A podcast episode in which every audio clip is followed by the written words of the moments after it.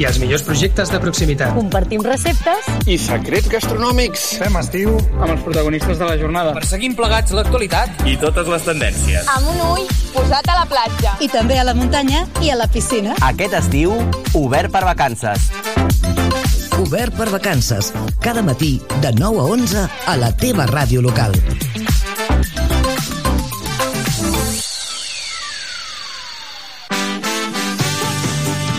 Tarragona Ràdio som 40.000 oients. Anunciat a la ràdio local líder en l'actualitat, entreteniment i informació tarragonina.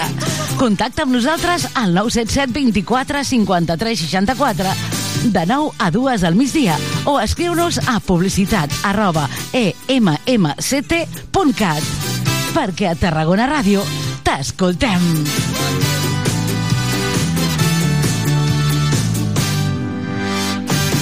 Cocodril Club. Si t'agrada la bona música dels anys 60, 70 i 80, escolta Tarragona Ràdio les tardes de dissabtes i les de diumenges de 4 a 6 és el temps del Cocodril Club. Tot un clàssic de la ràdio, amb les bases del pop-rock, les llegendes, les cançons que s'han convertit en autèntics himnes. Recorda'n, a Tarragona Ràdio 96.7 FM... Cocodril Club, el programa revival de l'Albert Malla.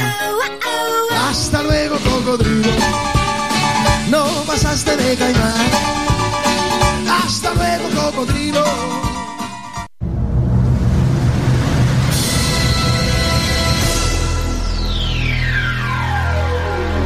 Cada dissabte a les 10 de la nit... En cabina, DJ Parry. DJ Parry, el DJ resident de Tarragona Ràdio, t'ofereix la millor selecció musical perquè et montis la festa allà on vulguis. Els darrers èxits musicals els trobaràs a Tarragona Ràdio, cada dissabte a les 10 de la nit i amb DJ Parry. Prova-ho i repetiràs. Welcome to Central Bay.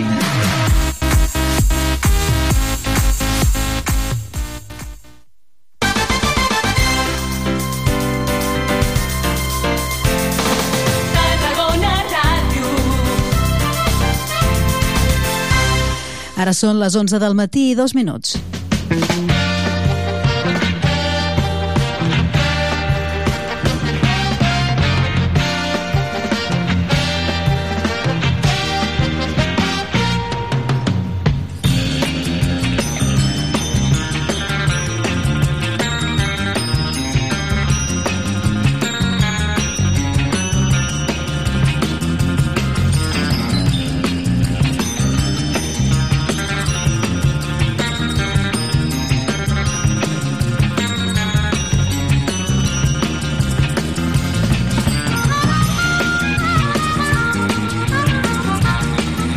Dia, benvinguts a una nova edició del Mercat d'Estiu, aquest espai radiofònic estival de Tarragona Ràdio. Ja ho sabeu, eh, de moment eh, estem amb vosaltres fent el Mercat d'Estiu des d'ara i fins a dos quarts d'una aproximadament. Després arriba un temps per al tothom i un temps també per a la part més personal de l'esport.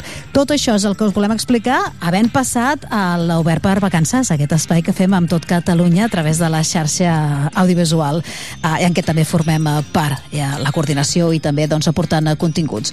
Tot això és el que passarà i ara fem sumari des d'ara i fins a dos quarts d'una. Com dèiem, passaran entrevistes d'actualitat, mmm, també alguna secció i sobretot connexions en directe, perquè el temps d'estiu, en la mesura del possible, el que ens agrada és sortir al carrer i, i apropar-vos al que està passant a l'actualitat. La, a és la nostra manera també de gaudir l'estiu, de fer vacances. Avui sortir al carrer no ve massa de gust, perquè, mira, ara hauria de mirar la temperatura, és que no miro la temperatura per no espantar-vos, però jo crec que hem estat molt pendents dels termòmetres aquests dies, no?, i de la xafogó, i tots plegats buscant una mica d'ombra.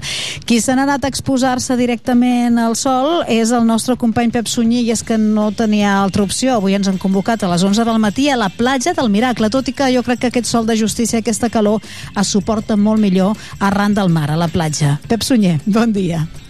No t'ho creguis, eh? No. Bon dia, bon dia, Núria. No, no, el parasol, no, no, t'has posat crema?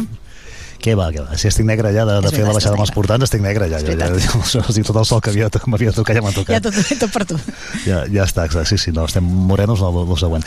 Eh, mira, uh, sí, pues sí, a, a Pico de Platja, eh? ara mateix aquí la, la zona que toca l'Espigo de, de la platja del Miracle, doncs s'està presentant aquesta nova senyalítica. És un pas més en, la, en el que ja es va fer en el seu moment, que s'amplia l'horari i les tardes de 7 a 8 de, dels socorristes de Creu Roja, i ara estan presentant-ho, precisament, ara mateix estan parlant, eh? si voleu podem sentir el conseller de Medi Ambient, el Guillermo García, i també responsables de Creu Roja, la consellera de Pressió Civil, la Sònia Ors, i també els coordinadors te- territorials de, de Creu Roja, Platges, eh, que ta- també estan aquí presentant. El cartell ja l'estem veient, eh? Atenció, corrents perilloses. Atenció, eh, també amb, amb castellà i amb, i amb anglès, i en àrab també aquest cartell, amb, una, amb un sinòptic on es veuen aquestes corrents en aquest punt d'aquesta platja on eh, hi ha hagut eh, tres ofegaments ja en el que portem d'estiu i també aquí s'informa del servei de salvament i socorrisme eh, amb diferents idiomes i dels horaris, és important. Sentim què diuen, eh? Mira, posem en directe el, el conseller eh, de Medi Ambient, Nacho García. aquests eh, nou cartells a tots els accessos de la platja del Miracle i esperem doncs, que juntament amb la resta de mesures eh, doncs, eh, ens portin a, a, a garantir al màxim la eh, seguretat dels, dels banyistes. Així doncs, amb aquesta eh, que és eh, l'última de les mesures, però amb la resta de mesures. La primera va ser l'ampliació del servei de socorrisme que, que fa la Creu Roja una hora més, de les 7 a les 8. També uh, una, nous missatges del Servei de Protecció Civil mitjançant la megafonia uh, que vam gravar algun missatge més i ara la consellera us ho explicarà i la zona de balissament nova de, el, de la plat, de la, del costat de, de Ponent de la platja de, del Miracle, que és un dels punts on hem detectat que hi ha doncs, unes corrents eh, més perilloses, doncs amb aquestes doncs, eh, fa, bueno, donem quart tancades aquestes mesures que hem pres en aquesta ocasió, que, com ara comentàvem els tècnics, doncs, eh, eh, doncs estem, estem molt contents no? de, de, de com de com s'ha treballat i com es, sembla que estan funcionant. Veurem quan acabi la temporada de, de- d'estiu eh, el balanç que en podem fer, però de moment doncs, estem satisfets amb el, amb el camí que, que hem agafat. Uh, per últim també agrair a, a l'autoritat portuària doncs, uh, la seva celeritat i la seva coordinació amb la resta de, de departaments eh, municipals per la instal·lació d'aquestes boies que bueno, eh, ara perquè estan els submarinistes però quan hem arribat clarament no, la gent eh, eh, doncs ja ho veu amb, amb altres ulls i, i li agafa respecte no? i aquest és una, era un dels eh, principals objectius que prenguem consciència tots plegats dels perills que té, que té la, la mar sense més eh, li passo la paraula a la consellera Ors Doncs ara la consellera Sònia Ors, de, responsable de Protecció Civil, que també doncs, eh, intervindrà, Núria. Eh, el cert és que ha emocionat perquè, de fet, no s'ha produït cap més ofegament, eh, des de que, no, que portem l'estiu, des de que s'han fet el plenari i s'han adoptat les mesures. Sentim, Sònia Ors. García com a consellera de Protecció Civil. Eh, per la nostra part, que també tenim aquí el, el tècnic de, de Protecció Civil, dir que des del nostre departament eh, es gestiona el sistema de megafonia sense fils a, la, que, a, a les que dona cobertura a les platges de Tarragona, com és Platja del Miracle, la Rebassada, Llarga, la Mora, Tamarit, Sabinosa i Capellans. Aquest sistema està dissenyat per a difondre missatges d'informació, de prevenció i avisos d'emergència a les platges amb l'objectiu d'oferir als banyistes els serveis i la informació necessària per la seguretat i el benestar. Des del Departament nostre de Protecció Civil eh, gestionem la formació del personal de la Guàrdia Urbana, que avui també ens acompanya, i agrair-los, de Medi Ambient, eh, de la Creu Roja, als efectes de que puguin utilitzar aquest sistema, cadascun d'ells dins del seu àmbit de, de competències. Eh, un dels avantatges eh, que, que fa aquest sistema de megafonia són l'horari de servei de socorrisme, com ha dit el conseller, eh, s'ha afegit, eh, hem ampliat una hora més de, de les 17 hores a les 20 hores, o sigui, de les 10 del matí fins a les 20 hores, presència de meduses a la zona de ball, de bany, canvis en l'estat del mar informant els banyistes del tipus de bandera establert, localització de persones extraviades a la platja, així com d'altres serveis vinculats amb la seguretat física de les persones, l'existència d'abocaments eh, contaminants a l'aigua o a la sorra i, per últim, missatges relacionats amb l'àmbit de protecció civil i de la seguretat ciutadana. A partir de la implantació de les noves mesures s'ha incorporat un nou missatge d'avís eh, per bandera groga, que això és un, un, un plus, per alertar els banyistes dels perills que aquesta eh, suposa com a corrents marines i altres situacions que suposen risc moderat per, a, per als usuaris. Eh, per acabar, dir que Eh, tots els dies està planificada l'emissió dels següents missatges eh, pregravats. A les 10 del matí surt un missatge d'inici del servei de vigilància, de salvament i socorrisme en aquesta platja, en aquesta mateixa platja. A les 12 hores, missatge recordatori a les persones usuàries de les platges indicant que tinguin cura de les seves pertinences per evitar robatoris. I l'últim missatge és a les 8, eh, a les 20 hores, missatge de finalització del servei de vigilància, salvament i socorrisme en aquesta platja. Eh, aquest missatge eh, s'emet en tres idiomes, en català, castellà i anglès, i el sistema estarà actiu totes les, en totes les platges amb servei de vigilància des del 16 de juny que van començar fins al 14 de setembre tots els dies. A la platja de la Rebassada, eh, els caps de setmanes del 20 de maig al 15 de juny i del 15 de setembre al 30 de setembre. I jo, per la meva part, eh, no tinc més que informar i ara dono pas al, Jesús, eh, al senyor Jesús Teva eh, de, de la portuària de Tarragona. Gràcies. Jesús Tebas, que és el, el responsable també de, per part del Port de Tarragona de tota l'operativa de seguretat. Siempre es una nuestro ánimo de reforzar la seguridad y colaborar en este caso con el Ayuntamiento de Tarragona en la colocación, como comentaba antes el conseller de Medio Ambiente, de las eh, boyas que refuerzan pues las medidas de seguridad que se están implementando durante estos días en, eh, por parte del, ayuntamiento y por nuestra parte junto con, la colocación de, de, las boyas en esta, en esta zona que evitan y refuerzan la seguridad de cara a que los bañistas no puedan acceder a una zona rocosa que presenta cierta peligrosidad en condiciones medioambientales adversas y marítimas adversas. También hemos puesto a disposición los medios de la policía portuaria para reforzar los avisos en caso de que las condiciones marítimas sean adversas y haya que reforzar las tareas de Cruz Roja para avisar a bañistas y tener que eh, vigilar y apoyar a Cruz Roja y al Ayuntamiento de Tarragona en este, en este tipo de, de tareas de cara a que los bañistas no, no estén en situaciones de, de riesgo cuando las condiciones, cuando las condiciones son, son adversas. Por nuestra parte nada más, insistir en nuestro refuerzo y nuestro ánimo de colaboración siempre con, con el ayuntamiento y con cualquier otra administración en cuestiones relacionadas con seguridad i damos, bueno, dar paso a Carles Castellví, representante de... Doncs ara Joan Carles Castellví, el coordinador territorial de, de Creu Roja, sentim també en directe. Donar les gràcies a l'Ajuntament de Tarragona per poder millorar el servei de, de platges que s'està realitzant aquesta temporada i, bueno, coses que, moltes coses ja les han dit, coses que faltaven és, per exemple, que amb la, amb la senyalització eh, de les banderes o amb bandera vermella el que farem serà cada mitja hora, una hora, segons la, les necessitats, anirem eh, repetint el missatge per megafonia. I, i després també hem ampliat eh, el personal de, dels socorristes, tot el personal de, de, de la plantilla, hem augmentat a sis persones més perquè les rotacions entre els socorristes no sigui tan, tan feixuga i puguin fer eh, eh, la, bueno, la seva feina molt més tranquil·lament, ja que hem augmentat a 10 hores durant tota, durant tota la jornada. 10 hores, clar, per, per ells és bastant bastant costós poder aguantar les 10 hores, llavors hem ampliat més personal i d'aquesta manera poden descansar i poden fer les, les rotacions més tranquil·lament. Uh, bueno, si no hi ha res més, farem, obrirem ja el simulacre, farem un exercici, un exercici que simularem la, un usuari que està cansat, que està a, bueno, a, a línia de boies i aquesta persona bueno, agafa rampa o està cansada, diguem el que vulguem, i demana auxili. En aquest moment s'activarà o visualitzarà el, el vigilant que tenim aquí, sortirà un socorrista per fer l'extracció, vindrà la moto aquàtica per recolzar l'extracció i ho portarà cap en terra. Jo volia fer una pregunta abans de... Serà el simulacre que faran d'aquí una estona, que també us explicarem en directe. Li pregunta, no, Joan Carles, pel tema de fer més dies amb l'ampliació horari com ha anat l'adaptació. Aquests dies, entre l'horari de... que s'ha ampliat, no ha hagut cap, cap incident, ha estat tot bastant...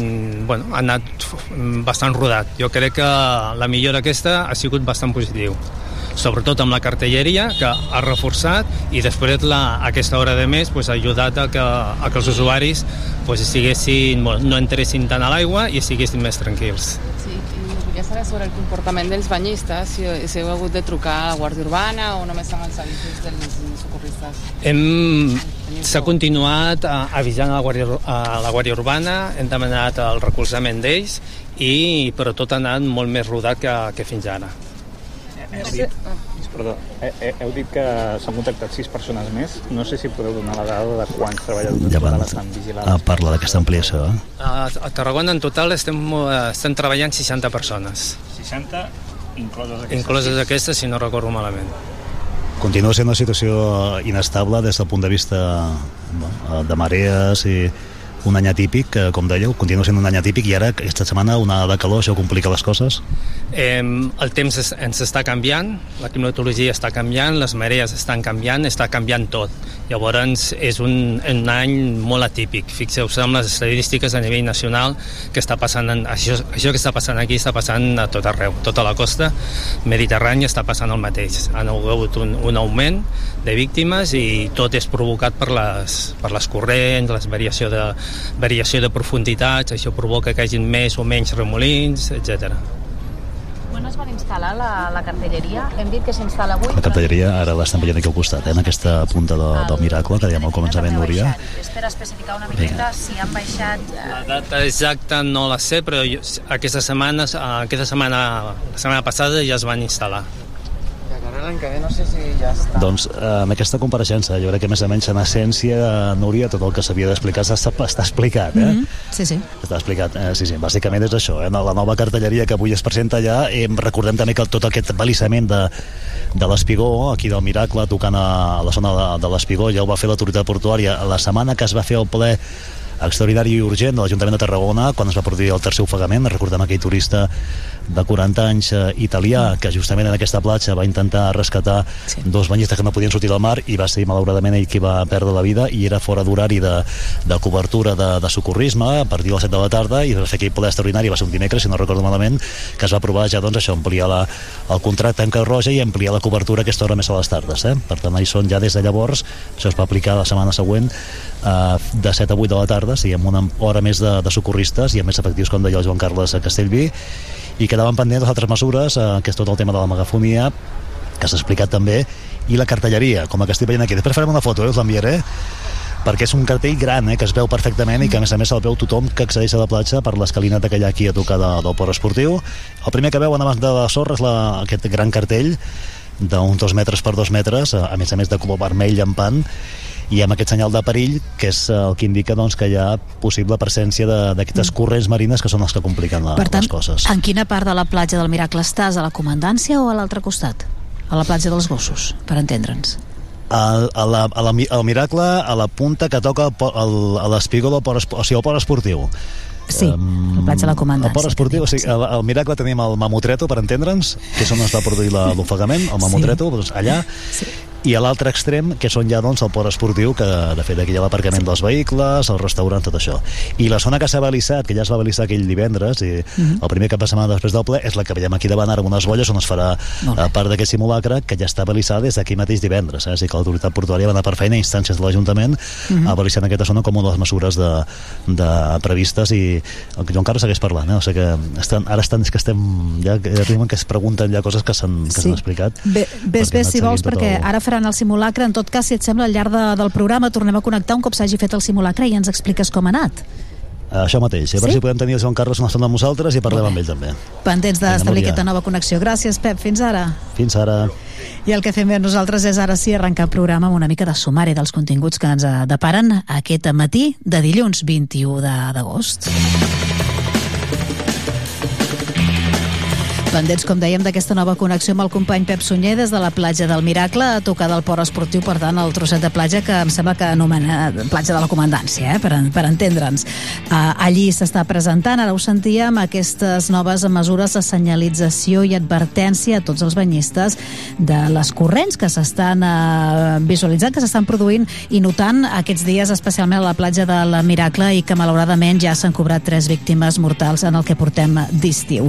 Aquestes mesures mesures doncs, de seguretat en què hi ha diferents agents implicats. Eh, van seguides la presentació d'un simulacre, un simulacre doncs, de, de possible rescat.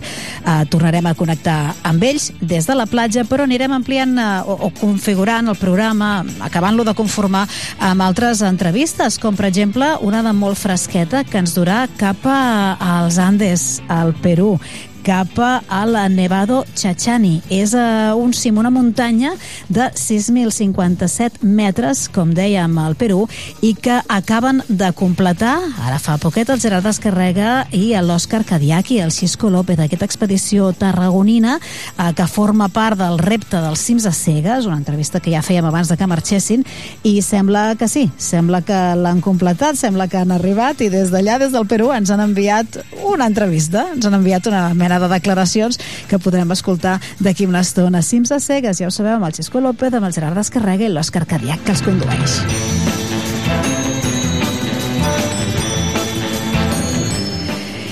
I un altre punt de l'actualitat és els que, el que ens du cap a Tenerife. N'heu sentit parlar aquests dies de l'incendi devastador que està arrasant eh, bona part de l'illa i bona part també, i aquí està un dels grans problemes, no?, de eh, la, la corona forestal de, de l'illa, d'aquest eh, parc, l'espai protegit més gran de les eh, Canàries. Estem parlant de que 18.000 persones han hagut de ser evacuades, algunes ja han pogut tornar a casa, algunes poquetes, unes 200 ja han pogut tornar a casa aquest cap de setmana i estem eh, parlant de que l'incendi ha devastat ja 12.800 hectàrees. Les xifres són eh, impressionants. Sisè dia avui, sisè dia de lluita contra un foc que sembla que comença a estar controlat o comença a estar una mica doncs, ja més, més a, a lloc gràcies a les a, temperatures eh, una mica més eh, humides, eh, gràcies a la humitat que hi ha a l'aire i a que el vent ha parat. Això fa que sigui una mica més fàcil acabar d'extingir aquest uh, incendi en el que hi han treballat i estan treballant una vintena de mitjans aeris, 20 mitjans aeris i 900 efectius, 900 uh, bombers. Xifres, com dèiem, molt escandaloses i tot plegat ens ho pot explicar en primera persona un tarragoní que, mira, justament se n'hi ha anat de vacances, no?, per volia passar uns dies tranquil·lets a Tenerife i s'ha trobat a, en plena temporada turística. Clar, s'ha trobat en tot aquest uh, percal, és l'Eloi Calvet.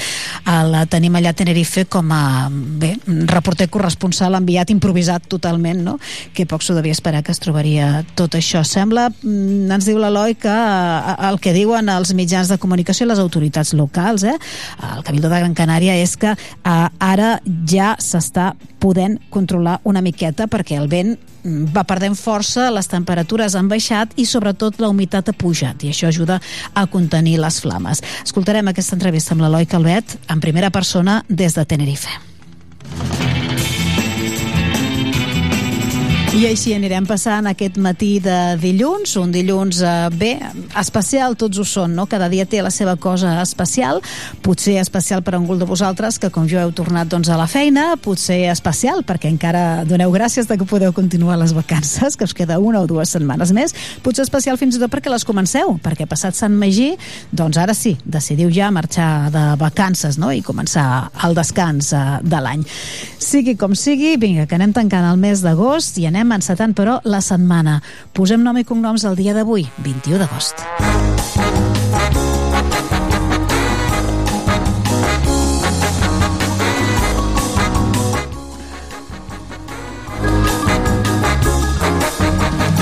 Doncs sí, doncs sí, ara dubtava de les eh, dates. Mireu, és que va ser un 19 de desembre del 2017 quan l'ONU, l'Assemblea General de l'ONU, va, va decidir que avui, 21 d'agost, i aquí és jo em liada, 21 d'agost eh, s'havia de commemorar el Dia Internacional eh, de les víctimes de la, del terrorisme. Un dia per eh, fer un homenatge doncs, a totes les persones arreu del món que havien sigut o que han estat víctimes del terrorisme en eh, moltíssims països, en moltíssimes situacions. Eh?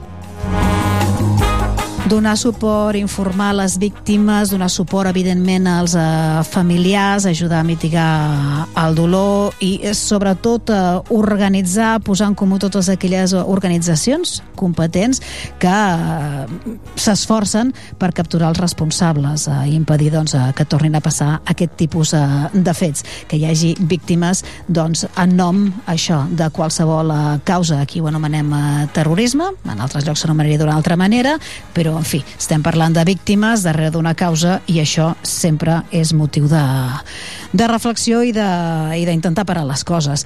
Doncs aquesta és l'efemèride, avui 21 d'agost.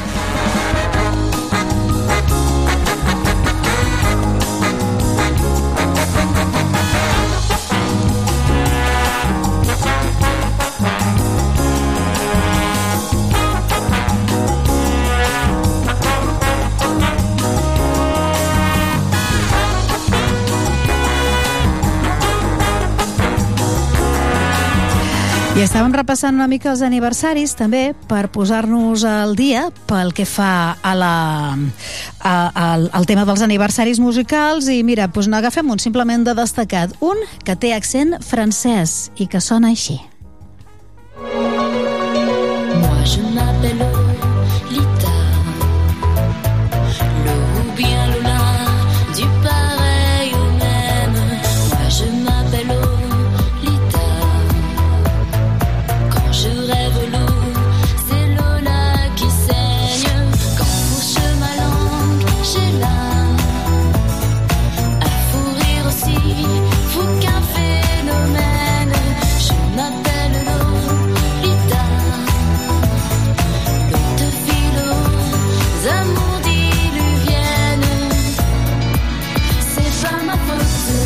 Simplement que avui fa anys Alizé Jacoté, no sé si dic bé, però Alizé en tot cas és el seu nom artístic, va néixer tal dia com avui, l'any 1984, ens diu la Viquipèdia, sense haver de tirar de calculadora que té 30, que fa 38 anys avui, i sí, el seu senzill més conegut, i jo de fet l'únic que, que li reconec, suposo que clar, qui li heu seguit la pista coneixeu altres cançons, és aquest Mua Lolita, és de l'any 2000, sí, allò que dieu, ai, me sona, me sona, jo la ballava, la cantava aquesta cançó, que una cançó es faci tan eh, viral o s'escampi tant en francès, bueno, té el seu mèrit perquè no només va arribar a llistes, a, a, al capdamunt de les llistes aquí, sinó també a Holanda, Alemanya, a, fins i tot a Itàlia i a Anglaterra, que perquè una cançó en francès arribi doncs, a, amunt de les llistes a Anglaterra té la seva gràcia, no? té, el seu, té el seu mèrit. Doncs això passava, atenció com passa el temps, l'any 2000. C'est pas ma faute. Et quand je donne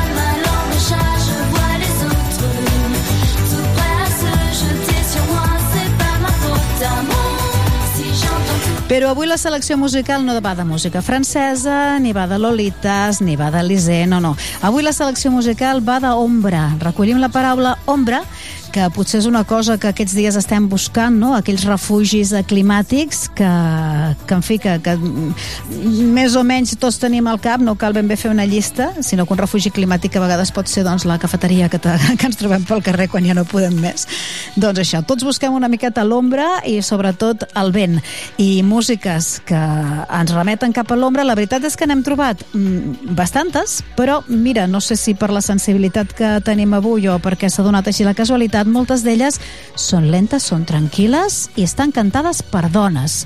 Com per exemple aquest, uh, aquest bolero que l'escoltàvem amb veu de Xabela Vargas, potser és la cançó, la, la versió més coneguda, però que ara us la reproduïm amb la veu de la Luz Casal, Sombres.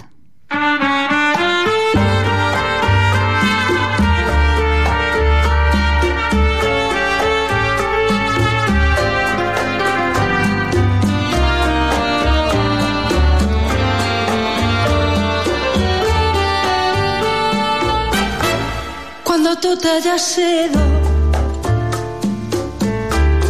me envolverán las sombras. Cuando tú te hayas ido,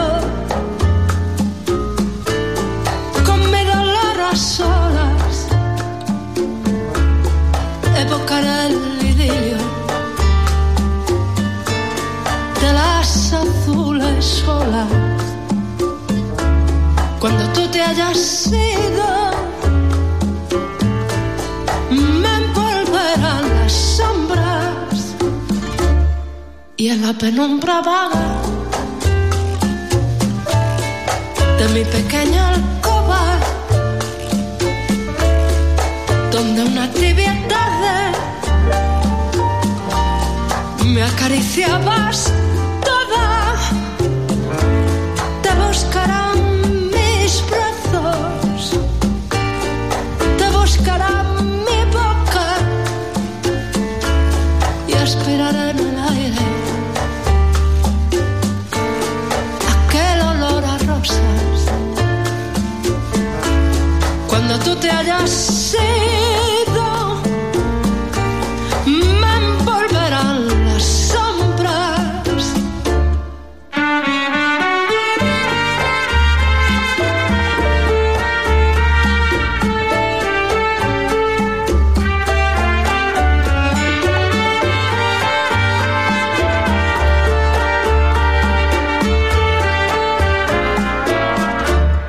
Y en la penumbra vaga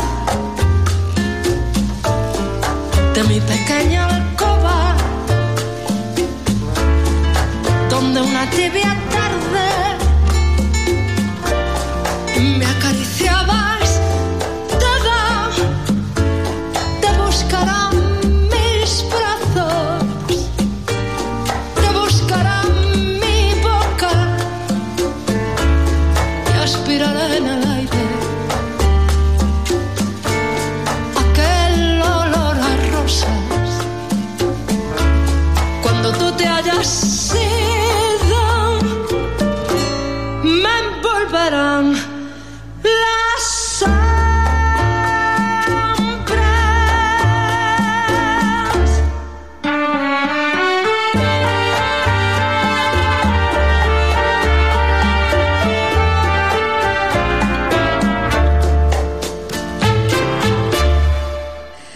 registre al qual ara ja estem més o menys acostumats a escoltar Luz Casal, però que en el seu moment, l'any 2009, ostres, va ser com un xoc de dir què fa Luz Casal cantant això. I és que va treure aquest àlbum al uh, dotzè de la seva discografia, La Passió, que era totalment atípic. Era l'any 2009, com us dic, un àlbum en què versionava cançons que eren boleros o cançons hispanoamericanes composades entre els anys 40, 1940 i 1970.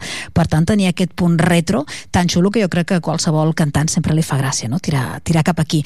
Un àlbum tan atípic com que fins i tot el va publicar amb la discogràfica Blue Note Records, que és una discogràfica doncs, eh, una mica especialitzada en uh, produccions de, de jazz no? I, i qüestions així doncs, també una mica d'antes per entendre'ns. Uh, bueno, Luz Casal, que d'aquesta manera es destapava amb un registre que jo crec que li és molt natural però que encara no l'havíem escoltat. I de La Passió, d'aquest àlbum del 2009, nosaltres hem triat, hem triat Sombres perquè de fet d'això va el film musical d'avui, de les ombres. Va, que passem una mica per uh, publicitat, us uh, fem alguna, us donem algun consell del que passarà doncs, aquests dies, un avançament del que passarà aquests dies a Tarragona Ràdio i després uh, ja entrem en matèria amb una de les entrevistes fortes de la jornada i és que marxem cap als Andes, cap al Perú.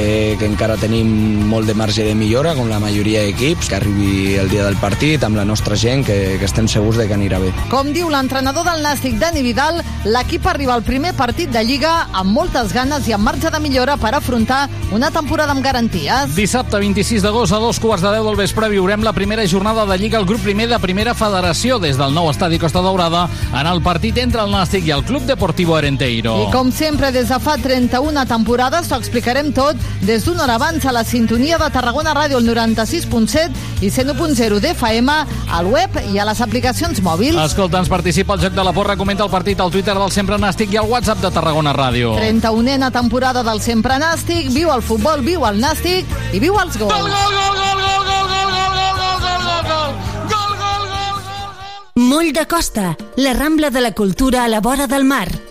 Vine i passeja per l'eix de la cultura, del lleure i de l'esport al Port de Tarragona. Hi trobaràs museus, exposicions, teatre, activitats, espais per passejar i fer esport. Completa la teva visita amb un tas de la gastronomia marinera del Serrallo. Més informació a porttarragona.cat. Festa Major del Catllà. Arriba la festa major. Màgia, bicicletada popular, vermut musical, concert pels petits, teatre, cercavila, correfocs, concerts, ball, concurs de trencaclosques, tracturada, baixada de trastos. I com no pot ser d'altra manera, una de les millors diades castelleres, amb la colla jove Xiquets de Tarragona, la Vella de Valls i els castellers de Vilafranca. Ah, i aquest any, el divendres i dissabte nit, iniciem la prova pilot dels busos llançadora des de les urbanitzacions a la vila del Catllà.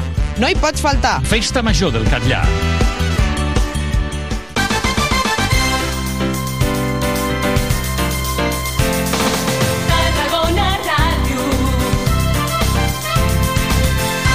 Passen 4 minuts de dos quarts de 12 i ens demanen pas des de la platja del Miracle. Sembla que està estat donat terme un simulacre. Pep Sunyer. Sí, sí, sentim, a, sentim en directe el, el que està passant.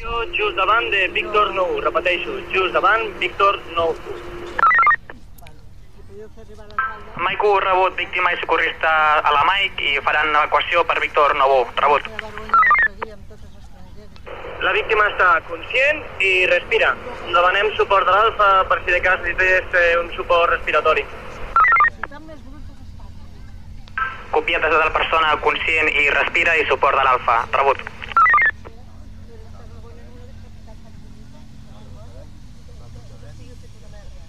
És el so de, del simulacre Núria en directe, estem sentint-lo de, des del la, des dels aparells de, de, de Creu Roja, ho sentiu perfectament, no?, que està... Sí.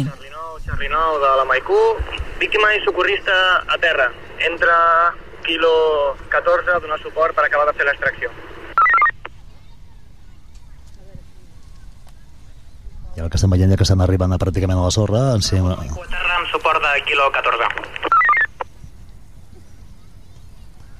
Sortint ja, com dèiem, de l'aigua, eh, evidentment la, la, la víctima eh, és una de les socorristes, a més experta eh, de- d'aquí de, de Creu Roja, que és la que estan ara doncs, traient ja cap a la sorra i fent aquest simulacre, que és el que passaria en un cas, en un cas real. Eh? Veuríem, sentiríem els mateixos missatges a través de la megafonia, a través del walkie-talkie de, de, de Creu Roja.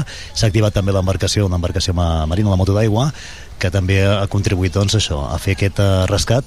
Uh, Joan Carles Castelló, bon dia. Hola, molt bon dia. Avui és un simulacre, no? Però això seria això, no? Sí, el que, bueno, el que han volgut demostrar també és que en gràcies a les motos aquàtiques el que és la, la recollida del, del socorrista i de, i de la víctima és molt, molt ràpida. Com heu, us heu donat compte, amb el temps de que s'ha activat i la víctima ha arribat en terra han passat entre un i dos minuts. Ha anat molt ràpid i gràcies a les motos doncs, podem treure l'extracció molt ràpidament. Mira, som situats a, darrere del cartell, eh, el nou cartell, que més es veu perfectament quan arribes a la platja, no? Vull dir que tothom que entri el veurà, eh, segur. Sí, el, el veurà, en, amb els altres accessos també hi ha el mateix cartell, llavors això, eh, bueno, la, la gent creiem que tindrà més respecte a la platja del Miracle que no fins ara. No, que no, no volem que tinguin por, però sí respecte, respecte al mar. Avui bandera ve- verda. Avui és bandera verda, una mar eh, planíssima i és un temps, bueno, l'únic problema que tenim molt de sol, la temperatura és molt alta i hem, ens hem de- d'hidratar com, com, com sempre. Eh, molt ràpids vist, eh? També els, els socorristes són bons nedadors, eh? Que... Bueno, és la seva feina. La seva feina és, és acostar-se el més ràpid possible, nedar contra corrent si fa falta i, i recollir la, el, a la víctima el més, el més ràpid. Llavors, segons les corrents, pues, ens queda, eh, el que fa el socorrista és eh, extracció cap a mar endins a la víctima i llavors, com sabem que la moto eh, passarà a recollir-lo, pues, serà molt més ràpid el que és la- l'extracció. Joan Carles, gràcies i que vagi bé, que tingueu poca feina, esperem. Gràcies a vosaltres. Eh, Núria, el simulacre eh, que s'està fent-se ara mateix eh, veiem com surt la, la moto aquàtica de, de Creu Roja, està sortint de, del mar eh, recordo que som al mateix lloc, eh? La, el Miracle toca pràcticament de, de l'Espió on s'ha Mm. fet aquest eh, simulacre sí. i que ja ha acabat, eh, pràcticament eh? ara ja estan ja recollint la, la moto aquàtica i com et deia la, la presumpta la, la, la víctima simulada que s'ofegava, era una persona que s'estava ofegant aquí a la, a la platja eh, és una dels socorristes de- d'aquí de, de, Creu, de Creu Roja, per tant una persona ja també amb, exp- amb expertesa doncs, eh, amb natació. Ara veiem la moto amb la, eh, pràcticament que surt de, de l'aigua i mira, el conseller de Medi Ambient, conseller, què tal? Bon dia. Bon dia. Què li ha semblat el simulacre? Doncs, eh, bueno, trobo molt curiós no? i interessant. La veritat és que el que demostra és la, la coordinació amb la que la Creu Roja ha treballat eh, juntament amb tots els altres departaments de l'Ajuntament i l'autoritat portuària per tal de millorar aquesta coordinació. No? I la veritat és que som contents pel que fa a, a aquesta coordinació, la feina feta, no? Expectants també a fer una avaluació al final de l'estiu, però bé, satisfets. El cartell es veu d'una hora lluny, eh? A més, tothom que entri a la platja el veurà perquè seran, eh? Sí, sí, sí, sí, sí. Aquest era un dels objectius, que era doncs, a anunciar i alertar a la, a la ciutadania que en concret en aquesta platja doncs, eh, estan passant uns fets que no, que no són els desitjats. Per tant, eh, mm, doncs és això, no? És el respecte. Eh, consciència eh, amb el que fa amb el respecte cap a la mar, a la platja i, a, i, a la, i que el nostre gaudi doncs, que no es vegi, no es vegi afectat per, per res, no? I ho fem tot amb, amb la major seguretat possible. Conseller, gràcies. Que vagi bé. A vostès, moltes Conseller de Medi Ambient de l'Ajuntament de Tarragona, Guillermo García, Núria, uh, mira, um, situats aquí amb la Clàudia Martorell. Hola, Clàudia. Hola, bon dia. Què t'ha semblat el simulacre? Bé, ara el tornaran a fer, el tornaran a passar més enrere perquè es pugui veure bé. I bé, se n'ha anat lluny, eh? ho ha fet bastant bé. Ara a veure els socorristes aniran una mica més que es pugui visualitzar millor. És que mentre el feien Núria, mentre jo Sí. parlava amb tu, la Núria estava aquí a peu de canó, eh, clar, ella ho ha vist tot, eh? I hem, hem fet també imatge gràfica, l'ha fet ella, Clar. perquè pugueu veure després doncs, aquest moment, eh? S'han quedat una mica mitges ara mateix, per això de, de poder veure-ho millor, i, però no, no tornaran a fer-lo Nadal, pobres socorristes, perquè s'ha estat una estona. Sí que s'ha vist la, la moto d'aigua també, han obert el pas a, a tots els que s'estaven banyant per deixar una mica de, de, pas, de, de passillo. I bé, ara a veure què passa. Que hi ha molta gent a la platja ara mateix. Merci. Si hi ha molta gent a la platja, déu nhi no, bueno, Jo no ho sé perquè no vinc habitualment a aquesta platja. Tu, Clàudia, vens habitualment a aquesta platja? Saps si ha... Sí, jo sí, tota la vida, tota la vida he vingut a, en aquesta platja. Bé, que sempre he anat a la part que toca el Fortí, que, bueno, abans estava una mica millor. Eh, bueno, estem aquí a, a prop del port esportiu, que és on hi ha més corrents i on hi ha també molt, molts ofegaments a les dues puntes de la platja. No s'havien vist mai tants, jo crec, tants ofegaments des de que he vingut jo, que tota, és tota la vida. A veure, a veure com millora el cartell, el servei de socorrisme i l'ampliació de l'horari. Hi ha poca gent ara o molta, segons tu? Ara, no, ara ja no hi ha tanta gent. No, hi ha gent, hi ha molta gent, però ja s'ha vist, pla, vist platja una, més plena encara. El centre està una mica més buit. Molt bé, Clàudia, fins ara. Fins ara, merci. Pep, i una pregunta. El cartell aquest que dius que és tan gran i que es veu tant a la, a la part que toca el port esportiu, eh, té rèplica a l'altra punta de la platja? Perquè estem parlant de que els corrents serien, no, a, a, a, serien més intensos en els dos racons de la platja. Sí, sí, O només aquí? Uh, eh, jo, jo diria, no t'ho puc assegurar perquè no vinc d'allà, no, no, sí. no, tinc les, no tinc la prova empírica, però, però pel que han dit abans, uh, sí, sí, n'hi ha d'haver les platges eh, en aquesta part descomptat a banda i banda i també en altres platges, eh? però en aquesta especialment, eh? que és la, eh, on s'han registrat, on s'han produït els tres ofegaments eh, a, a banda que es fes aquí ple, eh, aquest ple extraordinari. Mira, Escolta- és que la, mar està com una bassa d'oli ara Sí? mateix, la mar, eh? No, no sé si podries parlar amb algun dels banyistes, més que res perquè et diguessin si fan eh, cas dels, eh, dels eh, consells o de les recomanacions de, dels socorristes de Creu Roja, que a vegades eh, s'han de posar seriosos, eh, perquè, perquè els hi Sí, facin sí, una eh. mica de cas. És, és que han de fer cas als socorristes, eh? Uh, aquí, per exemple, mira, tinc un, tinc una, un senyor, que no, li preguntarem el nom, què tal, bon dia. Com, com us dieu? Com us llamáis? Juan Medín Pereiro. Juan, venís, venís muy a menudo a esta playa. Sí, bueno, es que vivo aquí en, el- en la calle del Mar. Ah, es vecino de aquí, ¿eh? Tiempo que vivo ahí. Bueno, ¿qué qué- eh, ¿crees que la gente hace mucho caso, poco, a este señor que hay aquí en la, en la cabina, o socorrista?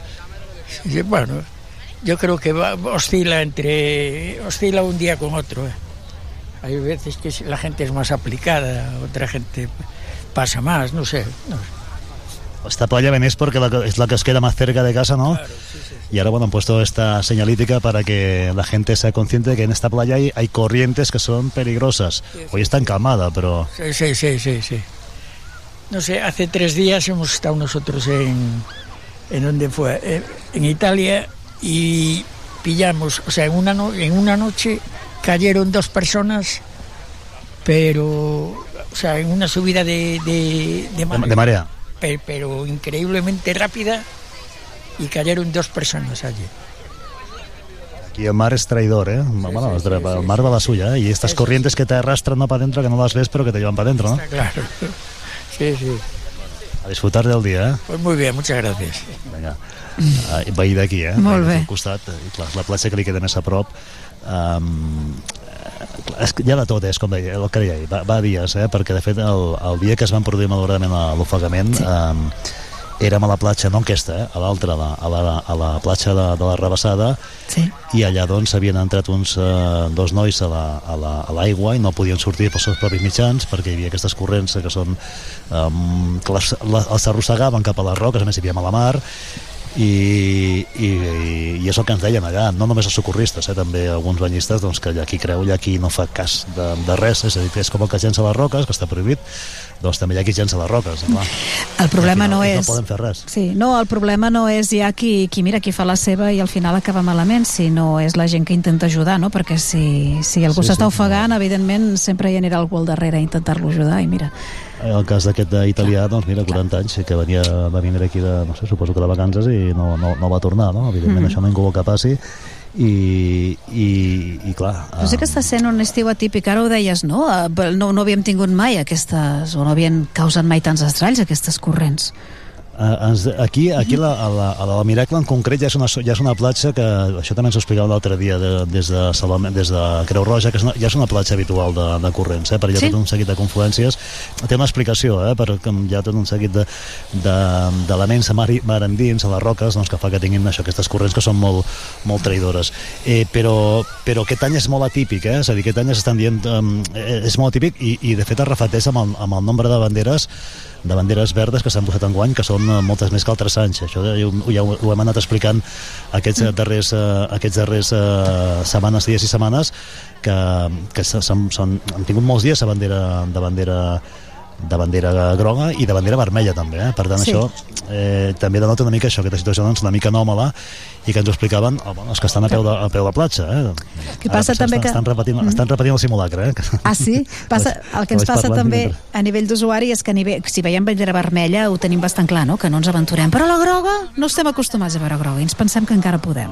I depèn d'on no, fas, mira, em no deien- fas la idea a- fins que entres. Em deien els socorristes que amb, la, amb el tema de la groga, clar que el, el problema és que ells no poden obligar a sortir de, de l'aigua amb, la- amb bandera groga. Ells no poden obligar-te a sortir de l'aigua, però en canvi hi ha perill. Um, sí. Clar, perquè hi ha, um, la bandera groga indica que hi ha algun perill. I aquest perill pot ser, doncs, eh, per exemple, el, les, aquestes corrents marines, aquests canvis de corrent, que són molt inestables, a més a més, que no és que vinguin per un cantó o per l'altre, que poden sortir en qualsevol moment, i, per, i que t'arrosseguen cap a dins, eh, t'empenyen mar endins, i aquí està, aquí està aquí a, a raó el perill. O t'empenyen cap a les roques, eh? l'espigó aquest d'aquí, la zona abalisada de, de, de, de la zona del port esportiu, s'ha posat precisament per això, per evitar que la gent es banyi allà i en mala mar doncs, baixin a patar contra la roca que és una mica el cas del que va passar amb els joves que els que rescataven eh, el dia de l'ofegament i també el mateix dia a la rebassada tres quarts de mateix. Anaven contra les roques i aquí és on, i a part no sabien nedar que aquest és un altre eh? que també ho hem parlat aquests dies amb els socorristes. Si no sabeu nedar doncs no us banyeu quan no hi ha socorrista i no us banyeu quan hi ha mala mar evidentment. Perquè si no saps nedar, Sí, no saps nedar, no podràs sortir. Uh, flotes i et penses que pots, però no és el mateix flotar que, que nedar. És que, No, clar, no és el no, hi, ha, hi ha moltes, moltes eh, condicionants a tenir en compte. Mm, uh, em preguntava jo també aquestes um, converses que sentíem a través de- d'aquesta mena de walkie-talkies. Mm, a- amb què es fan? Amb una unitat central de Creu Roja, no? Vull dir, cada, És- cada lloc de platja sí. deu tenir el seu i contacte amb la unitat central. És a la zona de, de comandament. No sé Ah, si... Espera, intentaré parlar amb la, amb la, amb la, amb la, amb la, amb la persona que ens, que, que, que en tret de l'aigua. Amb la més més, víctima. clar, és una- Amb la víctima, amb la víctima, sí, La perquè està, víctima com que està, està bé, vol dir que ha anat tot molt bé. Què tal? Bon dia. Bon dia, molt bé. Com et dius? Alicia. Alicia, tu, socorrista Creu Roja, avui has fet de víctima, hem vist que has sortit molt, molt ràpid nedant, eh? que domines bé la, la tècnica. Sí, molt bé. I amb, a més, sense aletes es nota un munt la diferència. Aquí hem vist també tot l'organigrama, eh? tot el suport vital de, de la moto d'aigua, dels companys, eh? que seria el que faríeu un cas real, com, com, els que hauràs viscut tu al llarg d'aquest estiu, eh? és a dir, que interveniu tots alhora, no? Sí, sempre que es pot eh, o fa falta estar al suport de, de la moto d'aigua. I per acabar, digue'ns avui que has fet de víctima i que estàs bé, algun consell per la gent que, perquè no acabin de víctima, com has fet avui? Què se diries a la gent que ve a la platja avui, que vindran aquests dies, que vindran aquests mesos de- d'agost? Que tinguin molt al compte les banderes i tots els suports com els cartells i tal, sobretot amb bandera groga, que és quan més hi han rescats. Eh, L'altre dia vaig veure que t'aplaudien sortint d'un rescat i evidentment vosaltres no voleu que us aplaudeixin, voleu no haver de fer rescats, perquè també us jugueu la vida, no? Sí, sí, bueno, nosaltres el que més agraïm els socorristes és que la gent ens feliciti i ens agraï el treball que fem. Però jo- us la jugueu també, per tant, si podeu evitar jugar-vos-la, millor, no? Clar, clar, si estem amb bandera vermella i no, vem, no veiem clar entrar a l'aigua perquè posa en risc la nostra vida, no entrem. Alicia, gràcies i celebrem que estiguis bé. Gràcies a tu, molta sort. Doncs això, eh? l'Alicia, que és la, la noia que ha fet de, de víctima en aquest uh, simulacre de, de rescat, i mentre anem sortint nosaltres de la sorra, mira, la, anem, anem amb sabates, eh? no ens hem tret ni, la, ni les sabates, Núria. Estem Ah, sí, vas per la sorra amb sabates. Amb Clar, avui no has portat les sorra- xancletes, no anaves preparat amb xancletes. No, vaig amb barques, però la sorra, Ah, ja. Clàudia, crema, no? Crema, no, la sorra? Que una mica, crema una mica i el sol encara més. Ara estem aquí, portem ja una hora sota el sol, però bé, ja, ja sortim, ja arribem a les escales.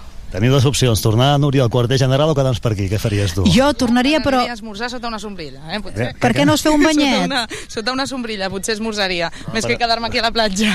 No, no, jo, jo, jo Núria, a mi no m'hi veuràs aquí. Eh? Jo, però Ja us ara. podríeu fer un banyet. Ara us feu un banyet, Mira, pim-pam. ara mateix l'Alicia s'està posant a a la dutxa perquè fa un sol i una calor i també el company, l'altre company socorrista també estan a la dutxa. De... A la dutxa sí que no posaria, eh?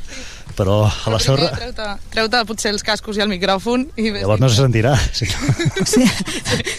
Va, dutxa't en directe, Pep, que això t'agrada molt a tu, No, no. fer sorollets d'aquests ASMR. No, no, no. Dutxa't en directe. Ho farem, ho, farem, ho farem veure, eh? Però mira, no et diré qui és, no et diré el nom, però n'hi ha hagut un que ha posat el cap sota la dutxa, eh?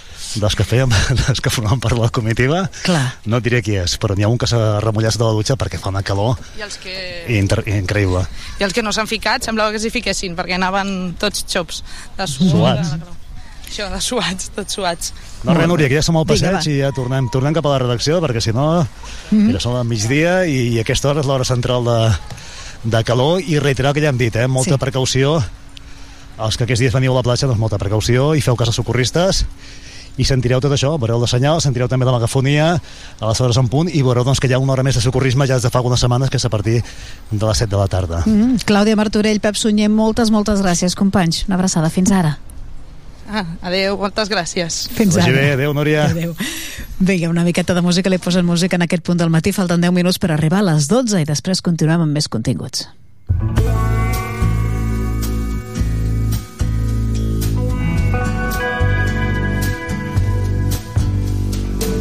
Voy a dejar que mi guitarra diga todo lo que yo no sé decir por mí. Quizá deba esperar a que el insulto del reloj acabe de planear mi fin. Duelen tanto las sonrisas, cuesta un mundo respirar. Es que no tenerte aquí ya me hace mal.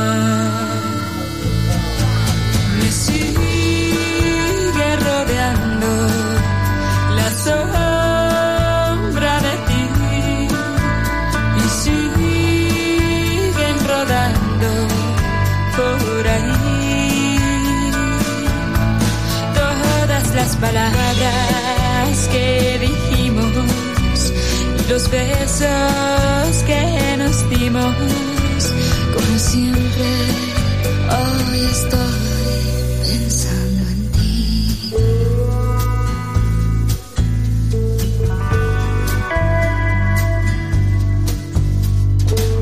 Debes saber que hay pedazos de tu boca sin querer regados por aquí que tropiezo cada día sin pensar con un viejo recuerdo más y alguna nueva historia gris. Si no puedo estar contigo, ya no puedo estar sin ti. Cada vez se hace más duro ser feliz.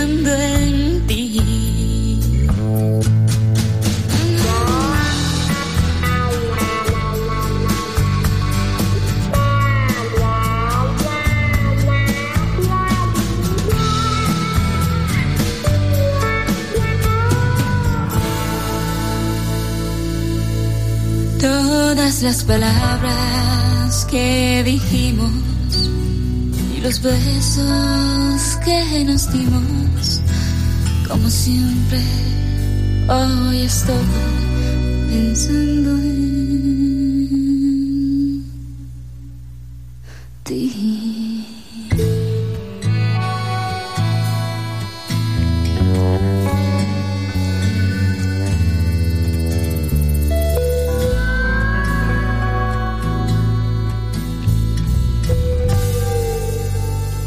Segur que l'heu reconegut perquè la veu és inconfusible. Era Shakira, però cantant una mica diferent, no? Sí, era l'època en què Shakira, ah, bé, no, encara no havia esclat tot el reggaeton i per tant ella tampoc s'hi havia apuntat i era una altra època, mireu si era una altra època que Shakira era morena. Va ser, doncs, abans de, de passar a ser rossa. Era l'any 1998. 1998.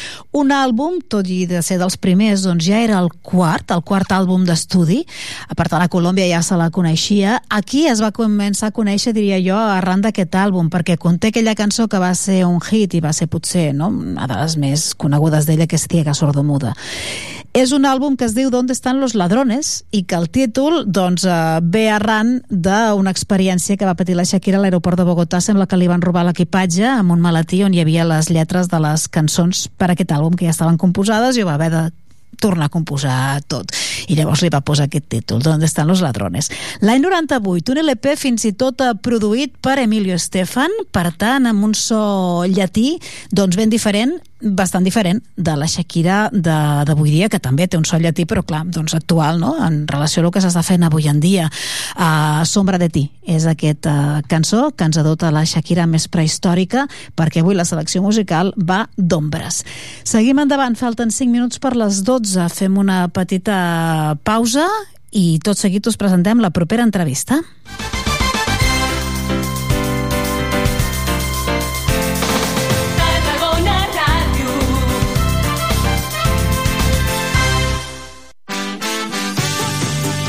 A Tarragona Ràdio som 40.000 oients.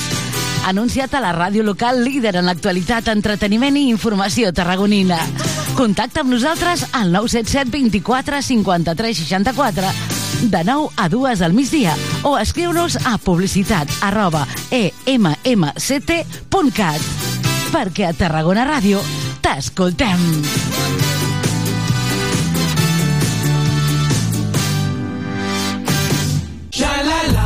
Este verano, estés donde estés, encontrarás un supermercado Spar cerca de ti. Descubre todas las ofertas que tenemos preparadas para que disfrutes de los mejores precios. Encontrarás un gran surtido de productos frescos, helados, bebidas refrescantes, protección solar. Todos ellos de primeras marcas del mercado, además de nuestra marca propia, Spar. Ven a conocernos. En Spar te lo ponemos muy fácil. Aquest estiu tenim un pla. Et proposem que ens acompanyis cada matí. A canvi, t'apropem el territori. Et descobrim artistes quilòmetre zero. I els millors projectes de proximitat. Compartim receptes. I secrets gastronòmics. Fem estiu amb els protagonistes de la jornada. Perseguim plegats l'actualitat. I totes les tendències. Amb un ull posat a la platja. I també a la muntanya i a la piscina. Aquest estiu, obert per vacances. Obert per vacances. Cada matí, de 9 a 11, a la teva ràdio local.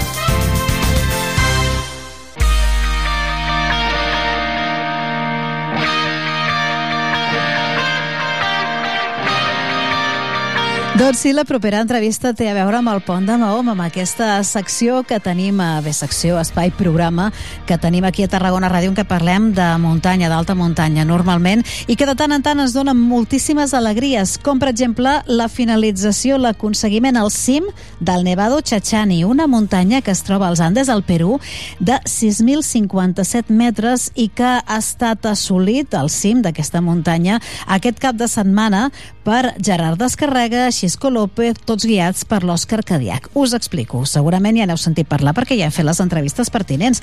Tingueu en compte que eh, tot forma part d'un projecte que es diu Cims a cegues i en què el Gerard Descarrega, que és un enamorat de la muntanya i és una persona invident, doncs es fa acompanyar per l'Òscar Cadiac amb aquest projecte que eh, cada estiu o de tant en tant els du per cims diferents, no? a completar, a fer cims diferents al llarg del planeta Tot plegat va començar fent la Neto a 3.400 metres, eh, després el Mont Blanc 4.000 metres i així van pujant d'alçada un parell de, de cims a, al continent africà i el Perú no és la primera vegada que hi van. Ja van fer el Nevado Pisco, va ser un eh, cim de 5.672 metres, uh, 5.600. Van anar pujant. Aquest cap de setmana han assolit els 6.000 metres del Nevado Chachani i, com que els hi va també ara, volen tornar a provar doncs, el de 6.700 metres al, al uh, Huascarán, que és el cim, la muntanya més alta del Perú. Vaja, que d'allà estan com abonats a, al Perú, d'allà no es mouen.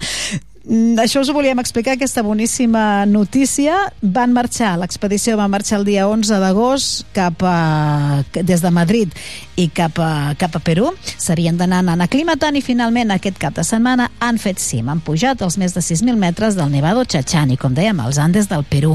I des d'allà eh, ens han enviat una entrevista. Situem els nostres protagonistes, eh? el Gerard Descarrega, el Xisco López, que és amic personal del Gerard i que més doncs, és qui una mica documenta amb la seva càmera, va documentant tota l'ascensió i tot plegat amb el guiatge de tot un mestre de la- de l'alpinisme la, aquí a casa nostra, com és l'Òscar Cadiac i que avui ens fa de periodista, d'entrevistador. Escolteu l'entrevista que ens han enviat des de Perú. Chisco, ¿qué tal? ¿Cómo te encuentras después de una montaña como esta que hemos subido? Buenas, pues orgulloso, porque no todos los días está por encima de los 6.000 metros, habi- habiendo llegado a pie. Entonces muy contento y motivado por, por lo que se puede venir.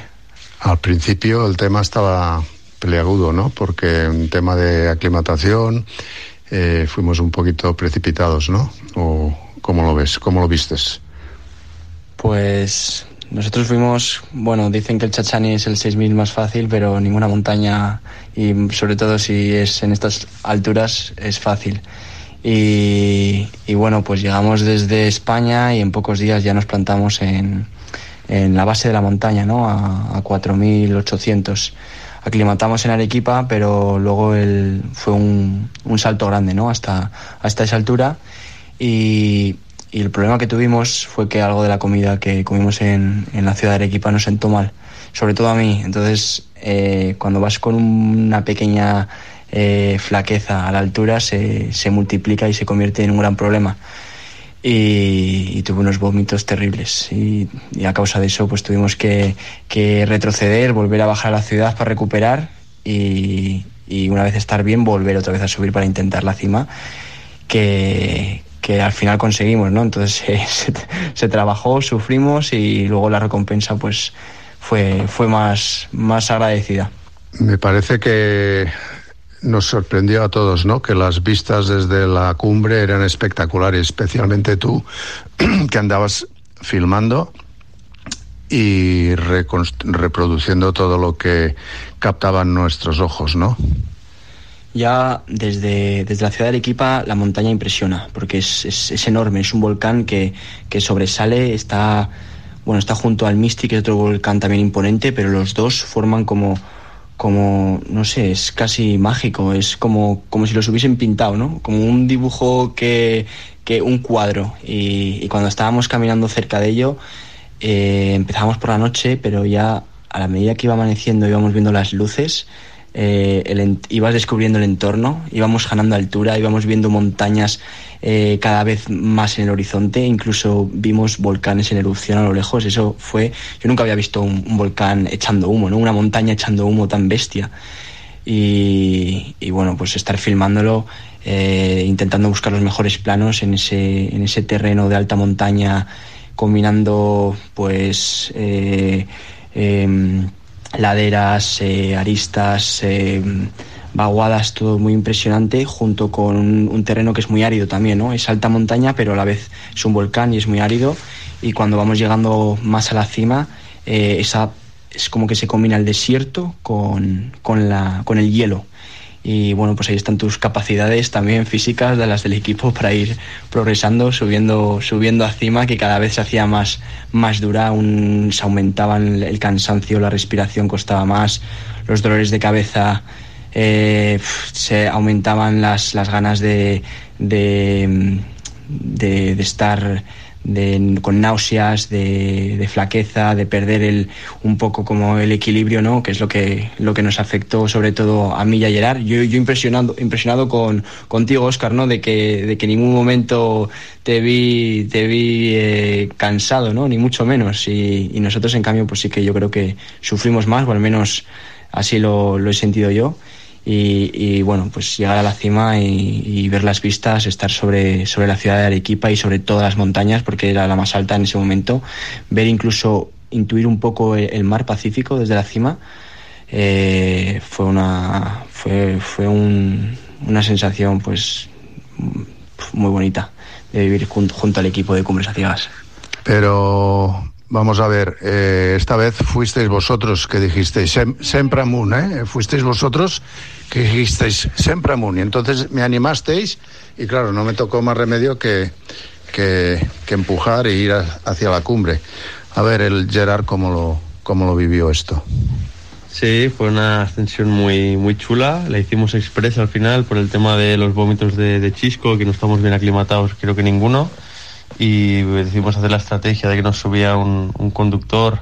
A las 12 nos recogió, a las 3 empezamos a caminar y subimos hasta la cima, pasando por el campo base.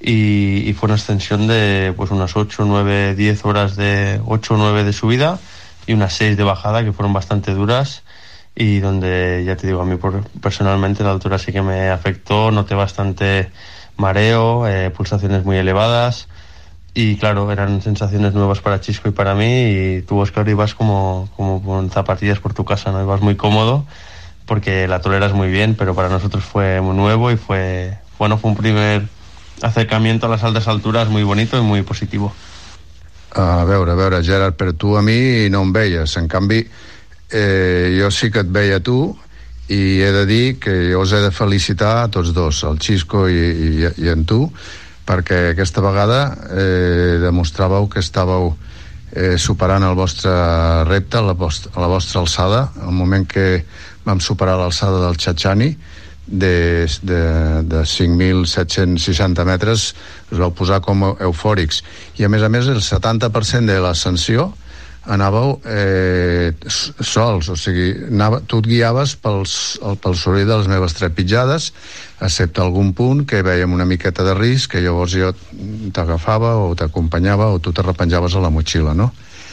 Molt a prop del cim vam tenir un parell de passatges una mica estrets, ens vam recuperar perquè portàvem aliments i, i després va ser magnífic perquè vam trobar passatges amb gel, amb penitents de gel, lo del volcà que deia el Xisco, que es veia que es veia l'erupció, que primer semblava que, que fes mal temps, amb una serralada que estava igual a 100 quilòmetres de distància, i donava la impressió de que havia passat un núvol, però es veien com unes, no explosions, però com, com unes bombes de núvols que de cop i volta el vent se les anava enduent, no? I això ens demostrava que era un volcà en plena erupció. Després ens van confirmar que n'hi havia dos de volcans. Jo vaig disfrutar, no vaig patir, mm, jo vaig veure que vosaltres vau eh, recuperar en un moment donat, suposo que també doncs, eh, l'alimentació energètica que portàvem, portàvem força líquid també, i és un clima dur, molt àrid, molt sec, i ara estem amb un propòsit eh, nou. No sé què, què n'opines, eh, Gerard? Doncs sí, Òscar, com tu dius, va ser, tot el que dius eh, ho reafirmo, va ser una, una ascensió molt bonica i per mi va ser especial perquè vaig poder anar, com tu dius, quasi el 70% de la pujada jo sol, perquè era un, un camí amb poca pedra, bastant còmode, i seguint les teves petjades o les del Xisco doncs us podia seguir, per mi va ser una, una passada això, de baixada sí vaig tenir que anar agafat perquè anava més ràpid i anàvem intentant escurçar, no?, baixant per, per una mica els terraplens que hi havia, però va ser molt guapo, i com tu dius, veure, bueno, sentir un volcà, eh, escoltar com el descrivíeu, eh, veient el volcà en erupció a, a la serralada al davant, doncs va ser espectacular, ens vam ficar molt contents quan vam superar l'altura del Pisco, que era la màxima que havíem estat, i va ser dur a la vegada, perquè estàvem marejats, jo em notava bastant, ja et dic, una mica amb poc equilibri i molt cansat a vegades, l'altura em provocava una mica inclús de somnolència, i com tu dius va haver un moment que, que vaig tenir que sentar-me una mica, vaig menjar, vaig veure una... vaig menjar em una, una gominola amb cafeïna que crec que em va ajudar, em va espavilar i va ser passar aquest punt i, i ja va ser, bueno, després la baixada va ser dura però ho vam fer bastant bé. I crec que ara m'haurem aclimatat molt bé per fer el nou repte, que és el Sahama, un volcà de 6.500 i, i pico metres a Bolívia. I estem molt motivats, estem una mica cansats avui perquè hem fet eh, un viatge de pues, 8 o 9 hores amb cotxe fins a Xile. Teníem que fer un empalme per anar a Bolívia però ens havien tancat la frontera llavors hem tingut que fer aquí una improvisació estem a Arica, una ciutat molt bonica de la costa de Xile i demà si tot va bé anirem cap a Bolívia amb un autobús i intentarem pujar fins al camp base del Sahama, que és el nostre nou objectiu i supermotivat i, i bueno, us anirem explicant noves notícies, esperem que positives. Sempre amunt. Sempre amunt. Xisco. Sempre amunt, por todas. Gràcies. Aquí Adéu. una abraçada, una abraçada a tots els oients de Tarragona Ràdio. Pont de Mahoma, sempre amunt. Una abraçada. Adéu.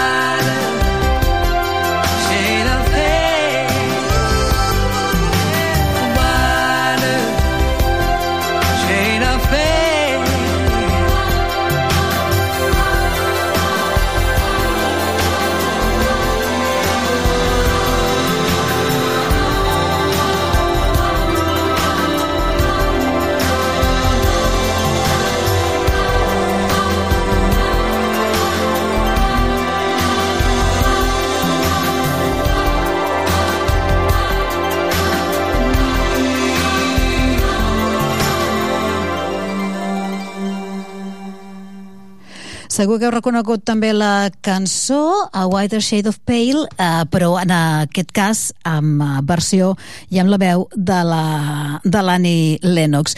Un clàssic dels anys, eh, mira, de finals dels 60, de l'any 67, que fins i tot té la seva versió en, en castellà, su blanca pal·lidera, eh? tot, un, tot un clàssic també. L'any 67, mil vegades versionada i amb veu també d'Annie Lennox, que avui l'hem escoltat. La selecció musical avui va de Ombres. Seguim endavant amb el programa i ara el que fem és escoltar una entrevista que feia el nostre company eh, Pep Sunyer amb l'Eloi Calvet. L'Eloi Calvet és un tarragoní que va dir calla que me n'aniré de vacances a Tenerife. D'això fa quatre dies i allà s'ha trobat doncs, amb aquest foc devastador que ja fa, ja va per la sisena, pel sisè dia, eh, que, que encara no està extingit, tot i que ens explica l'Eloi que hores d'ara les autoritats, eh, ja el Cabildo de Gran Canària, ja comencen a dir que es pot controlar eh, perquè el vent està perdent força, perquè les temperatures han baixat i perquè la humitat ha pujat i això ha ajudat a contenir les flames. Però vaja, un incendi que hores d'ara fa un balanç esfereïdor.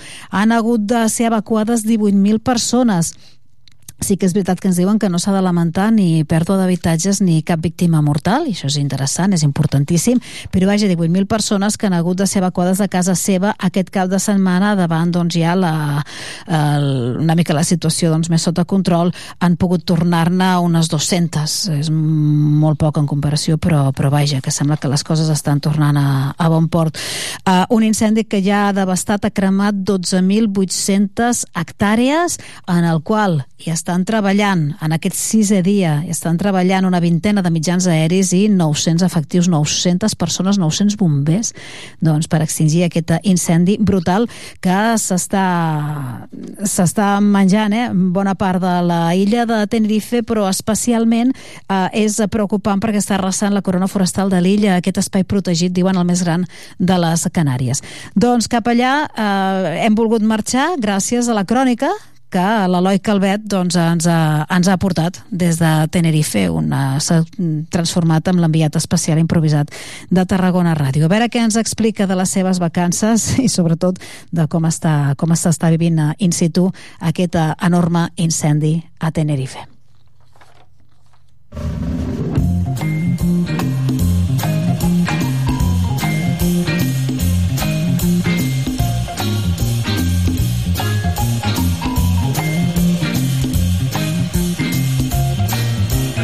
Doncs, tal i com us dèiem, volem parlar amb un eh, tarragoní que és eh, hores d'ara, de vacances a Tenerife, allà amb aquest incendi. Avui, per cert, és prevista la visita del president de, del govern espanyol, Pedro Sánchez, a veure com van les tasques d'extinció.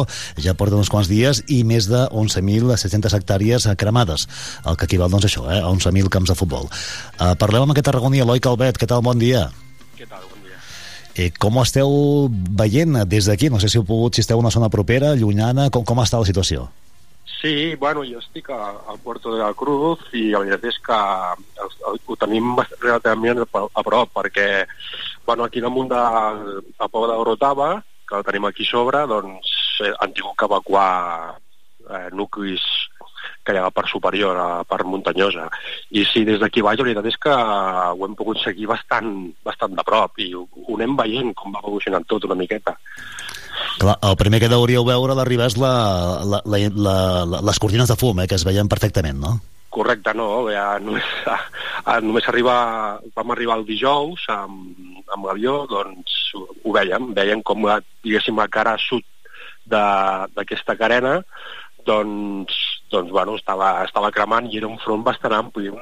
És un incendi una mica... Bueno, jo no hi entenc gaire, però eh, per el que he sentit i per el que anava veient, una miqueta estrany, perquè era com molt ampli, anaven sortint, eh, diguéssim, fumaroles per, per, per un, una extensió molt, molt, molt llarga i, bueno, suposo que això ha sigut el que, el que ha impedit no? que poguessin extingir perquè és, ha sigut molt estrany. I llavors s'ha- el, el, han anat avançant els dies i la- l'incendi ha passat, diguéssim, a la cara nord. I anava, segons anava, anava canviant el vent, pues, com que en una illa hi ha unes condicions una miqueta estranyes, eh, climatològicament, pues, ha anat passant de, de nord a sud i, i llavors s'ha anat estenent. una miqueta complicat ha sigut. I eh, no cal dir-ho, eh, que ja, ja en fa habitualment de calor a Tenerife, eh, suposo que també la calor està influenciant, eh, i deu temperatures altes, no? Sí, bueno, també fa... És, és una temperatura, és un clima una miqueta particular i també fa bastant airet i tal, però suposo que tot influeix. Si barreges l'aire i, el, i el calor, doncs sí, sí. Uh, la, la gent d'aquí què diuen? És a dir, eh, clar, esteu eh, hospedats a algun lloc uh, uh, doncs on hi ha gent autòctona, què, què diuen? Uh, com, com estan visquent? Bé, sobretot molt més preocupats que, que els turistes, evidentment. Eh, bueno, jo només arribar, per exemple, a l'hotel el dijous, ja vaig amb la recepció i em va comentar que ell vivia a l'apartat d'Aurotava i sos pares una mica més amunt i sos pares ja es van tenir que evacuar. O sigui que, imagina't. I, bueno, jo he sentit una entrevista amb el Cabildo i deia que tot era havia certa normalitat i la gent estava emprenyada perquè certa normalitat no, perquè ha, hi ha moltíssims evacuats eh, em sembla que han arribat als 20.000 evacuats o sigui que bueno, hi ha una miqueta de bueno, és normal, no? En aquestes situacions suposo que gestionar tot això, que és, és un fet extraordinari, no deu costar gens. No deu costar... Home, de, des de la llunyania les imatges que es veuen a través de, de les xarxes i els mitjans de comunicació d'aquí eh, són esferidores, eh, especialment a, les nits, eh? A, clar, les nits es veu tota... Sí, sí. sí. És, és impressionant perquè sobretot de dia, de dia hi, ha, eh, hi, ha tot, hi ha tot un núvol de, de fum ja, ja és un clima molt humit, jo estic al nord és un clima molt humit i clar, ja, diguéssim que la humitat fa que hi hagi molta boirina i molts núvols baixos segons en quines hores del dia, però clar, si ho juntem amb el, amb el fum de l'incendi, doncs és, és bastant espectacular, perquè jo, per exemple, eh, encara no he vist el Teide. Des del Porto de la Cruz no he pogut veure el Teide, no sé si ho podré veure. Que es veu, eh? En condicions normals es veu, eh? Ho sé, ho sé. El tenim aquí sobre, però no el podem veure. Doncs, bueno, perquè és... I de nit, de nit, sobre, de nit doncs, quan, clar, quan es fa fosc, veus les flames aquí dalt i veus com va evolucionant, com van sortint nous punts, eh, bueno, i, i cada dia és bastant similar. Vull dir, sembla que la cosa sigui tranquil·la i de repent, uf, veus aquí davant tot de punts que es van encenent. I, i, i en aquesta època de l'any, clar, Tenerife suposo que, que hi ha, com vosaltres, molts turistes, no? Sí, l'únic que, bueno, els turistes ho veu... A veure, ho, ho veus amb una miqueta de, de distància, eh? Pensa que jo estic a Porto de Cruz, que és un lloc, un centre turístic molt important, hi ha moltíssima gent, no sé, podríem parlar pràcticament com Salou, jo crec, i... o més. I, bueno, eh, a veure, hi ha vida normal, el tens el aquí dalt, però, bueno, vas fent. L'únic que, per exemple, sí que afecta el Teide està tancat, la, la, la principal atracció turística del, del, de, diguéssim, de l'illa, pues no es pot visitar.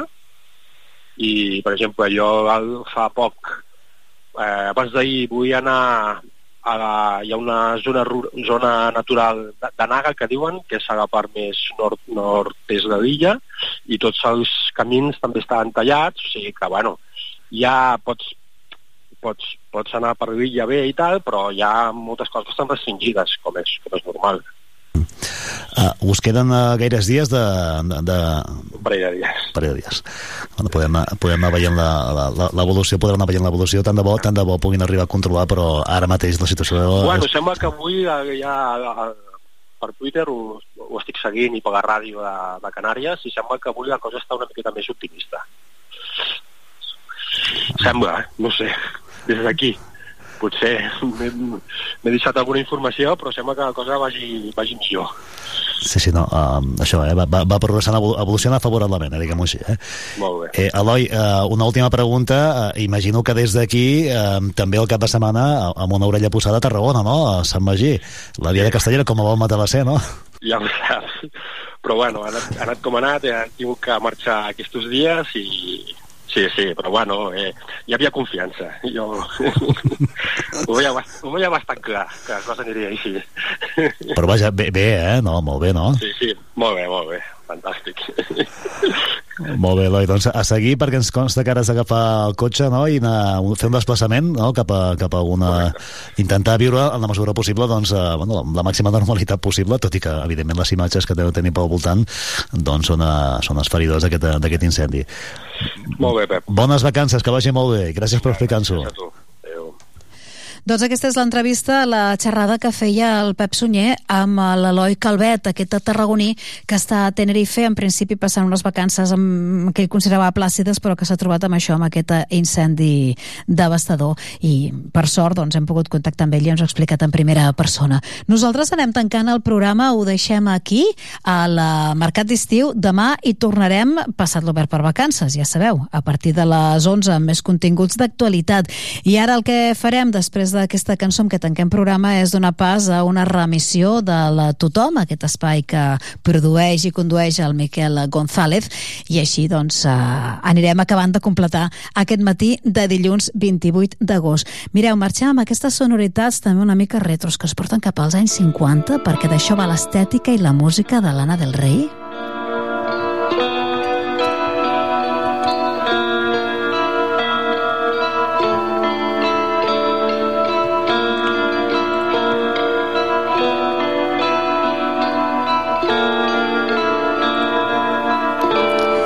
L'any 2014 quan l'Anna del Rei treia Ultraviolence eh, a la segona àlbum d'estudi d'aquesta cantautora nord-americana que té aquesta estètica, i no només l'estètica, sinó la sonoritat de transportar-nos cap als anys eh, 50.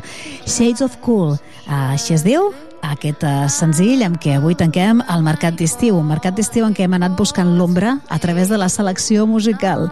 Fins demà. He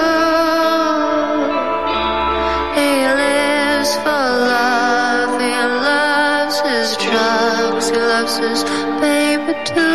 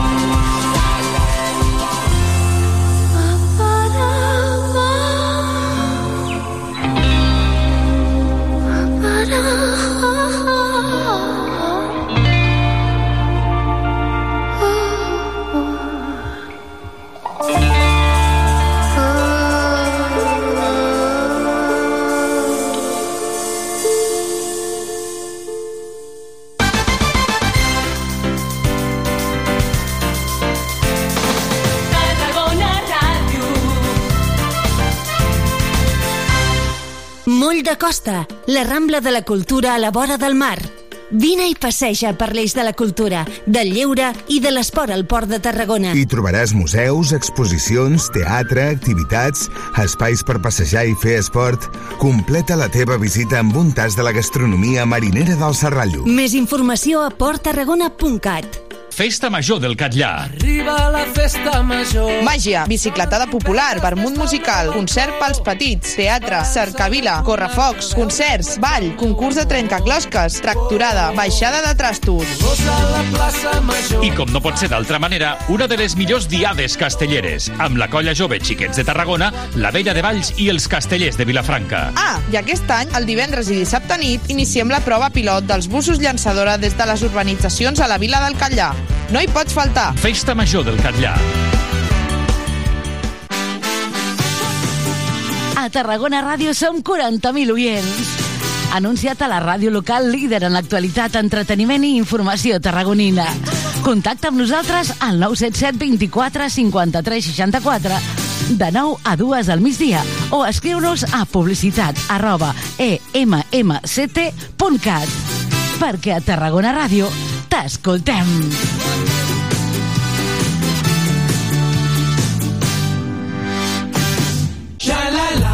Este verano, estés donde estés, encontrarás un supermercado Spar cerca de ti. Descubre todas las ofertas que tenemos preparadas para que disfrutes de los mejores precios. Encontrarás un gran surtido de productos frescos, helados, bebidas refrescantes, protección solar. Todos ellos de primeras marcas del mercado, además de nuestra marca propia, Spar. Ven a conocernos. En Spar te lo ponemos muy fácil.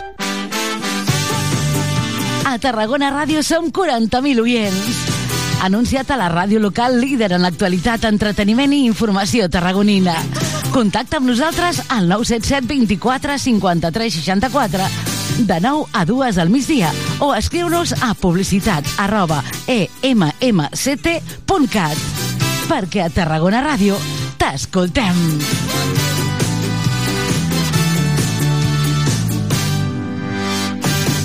Cocodril Club. Si t'agrada la bona música dels anys 60, 70 i 80, escolta Tarragona Ràdio les tardes de dissabtes i les de diumenges de 4 a 6. És el temps del Cocodril Club. Tot un clàssic de la ràdio, amb les bases del pop-rock, les llegendes, les cançons que s'han convertit en autèntics himnes. Recorda't, a Tarragona Ràdio 96.7 FM... Cocodril Club, el programa revival de l'Albert Malla. Hasta luego, cocodrilo. No pasaste de caimán. Hasta luego, cocodrilo.